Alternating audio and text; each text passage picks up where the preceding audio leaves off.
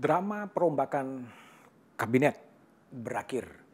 Presiden Jokowi selasa siang 22 Desember 2020 mengumumkan enam menteri baru.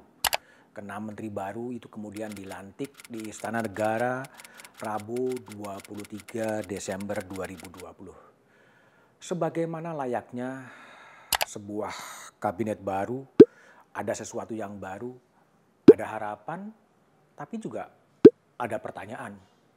Itu adalah wajar dalam praktek demokrasi.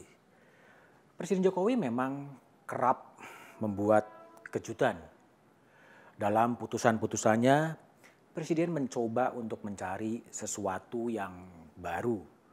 Sesuatu yang kadang-kadang mengubah dari pakem-pakem demokrasi. Hal itu ditunjukkan saat Presiden Jokowi menunjuk Sandiaga Uno sebagai Menteri Pariwisata dan Ekonomi Kreatif menggantikan Wisnu Tama. Tindakan politik itu merupakan kelanjutan langkah politik presiden ketika kabinet pertama dilantik dan dibentuk, presiden merekrut calon presiden yang menjadi pesaingnya dalam Pilpres 2019 Prabowo Subianto sebagai Menteri Pertahanan. Persaingan dalam pemilu presiden yang sangat keras hampir membelah bangsa di tahun 2019 sampai terjadi kekerasan politik akhirnya berakhir happy ending. Mem pun dalam berbentuk parodi kemudian bermunculan.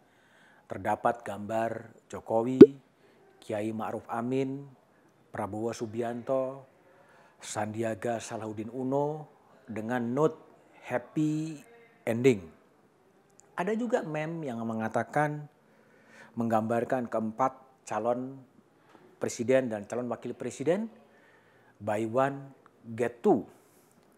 Sebuah harian bahkan menulis dan sedang viral coblos Jokowi Ma'ruf bonus Prabowo Sandi. Rakyat pun terbahak-bahak.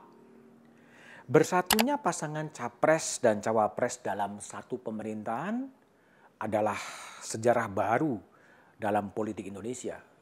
Boleh jadi ini juga sejarah baru dalam sejarah politik dunia. Presiden Jokowi memegang filosofi yang sering diungkapkan dalam akun media sosialnya. Surya Dira Jaya Ningrat lebur dening pangastuti. Segala sifat keras dan angkara murka bisa dikalahkan oleh sikap sabar, bijak, dan lembut. Dan Presiden Jokowi tampaknya berhasil menjalankan prinsip itu. Itulah drama politik reshuffle kabinet. Banyak kejutan dan kadang susah diperkirakan. Pada satu sisi ada pemaknaan positif bahwa para elit politik begitu dewasa semuanya berbesar hati, semuanya punya keinginan bersama-sama untuk membangun negeri dan ingin memajukan bangsa. Inilah paham kekeluargaan. Inilah paham negara kekeluargaan dalam bahasa kekuasaan Jawa, lawan-lawan yang berseberangan sebaiknya dipangku. Dipangku dan kemudian akan berada dalam rentang kekuasaan. Namun ada juga cara pandang lain. Boleh jadi drama reshuffle kabinet ini hanya menunjukkan begitu eksisnya kredo politik kuno. Tiada lawan dan kawan abadi selain kepentingan itu sendiri.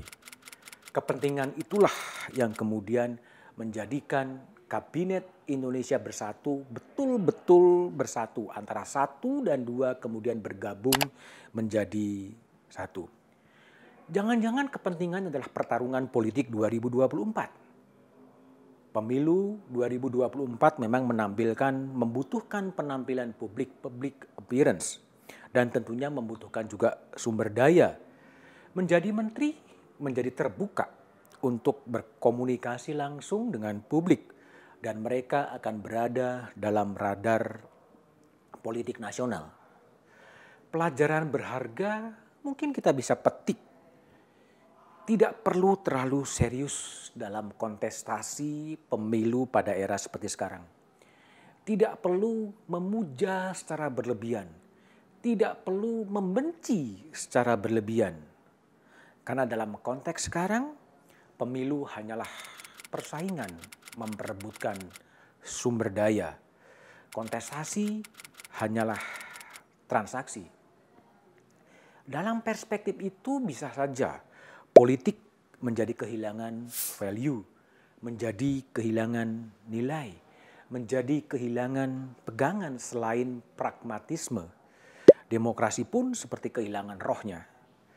Namun tetap harus diingat terlepas dari diskursus itu tesis dari Lord Acton bahwa kekuasaan itu cenderung korup. Kekuasaan absolut cenderung makin korup. Itulah yang harus diantisipasi.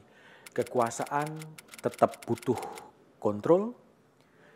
Dan dalam masa sekarang ketika oposisi mati suri, kekuatan masyarakat sipil lah yang kemudian harus beranjak untuk mengontrol kekuasaan itu agar tidak terjebak kepada korupsi. Di tengah krisis kesehatan dan krisis ekonomi yang bisa berkembang menjadi krisis sosial, siapa pun itu, publik membutuhkan kerja cepat para menteri, bagaimana mengendalikan pandemi, bagaimana mempercepat vaksinasi, bagaimana mengatasi resesi ekonomi, dan bagaimana mencegah agar tidak terjadi krisis sosial. Dan yang penting, jangan sampai korupsi. Selamat bekerja tentunya harus ditujukan kepada Budi Gunadi Sadikin, seorang fisika nuklir, lulusan fisika nuklir, seorang bankir yang kemudian ditunjuk sebagai Menteri Kesehatan. Itu juga terobosan dari Presiden Jokowi dalam sejarah selama ini Kementerian Kesehatan didominasi oleh dokter, tetapi seorang oleh seorang engineer dan seorang banker. Meskipun di beberapa negara lain itu juga sudah terjadi. Budi Gunadi Sadikin pernah sudah ikut terlibat dalam perburuan vaksin untuk mengatasi pandemi. Selamat juga kepada Sandiaga Uno sebagai Menteri Pariwisata dan Ekonomi Kreatif, Yakut Kolil Komas sebagai Menteri Agama, Tri Risma sebagai Menteri Sosial, Sakti Wahyu Trenggono sebagai Menteri Kelautan dan Perikanan, serta Muhammad Lutfi sebagai Menteri Perdagangan. Apa pun yang terjadi, janganlah pernah lelah untuk mencintai Indonesia, dan di era pandemi, janganlah pernah lupa untuk memakai masker.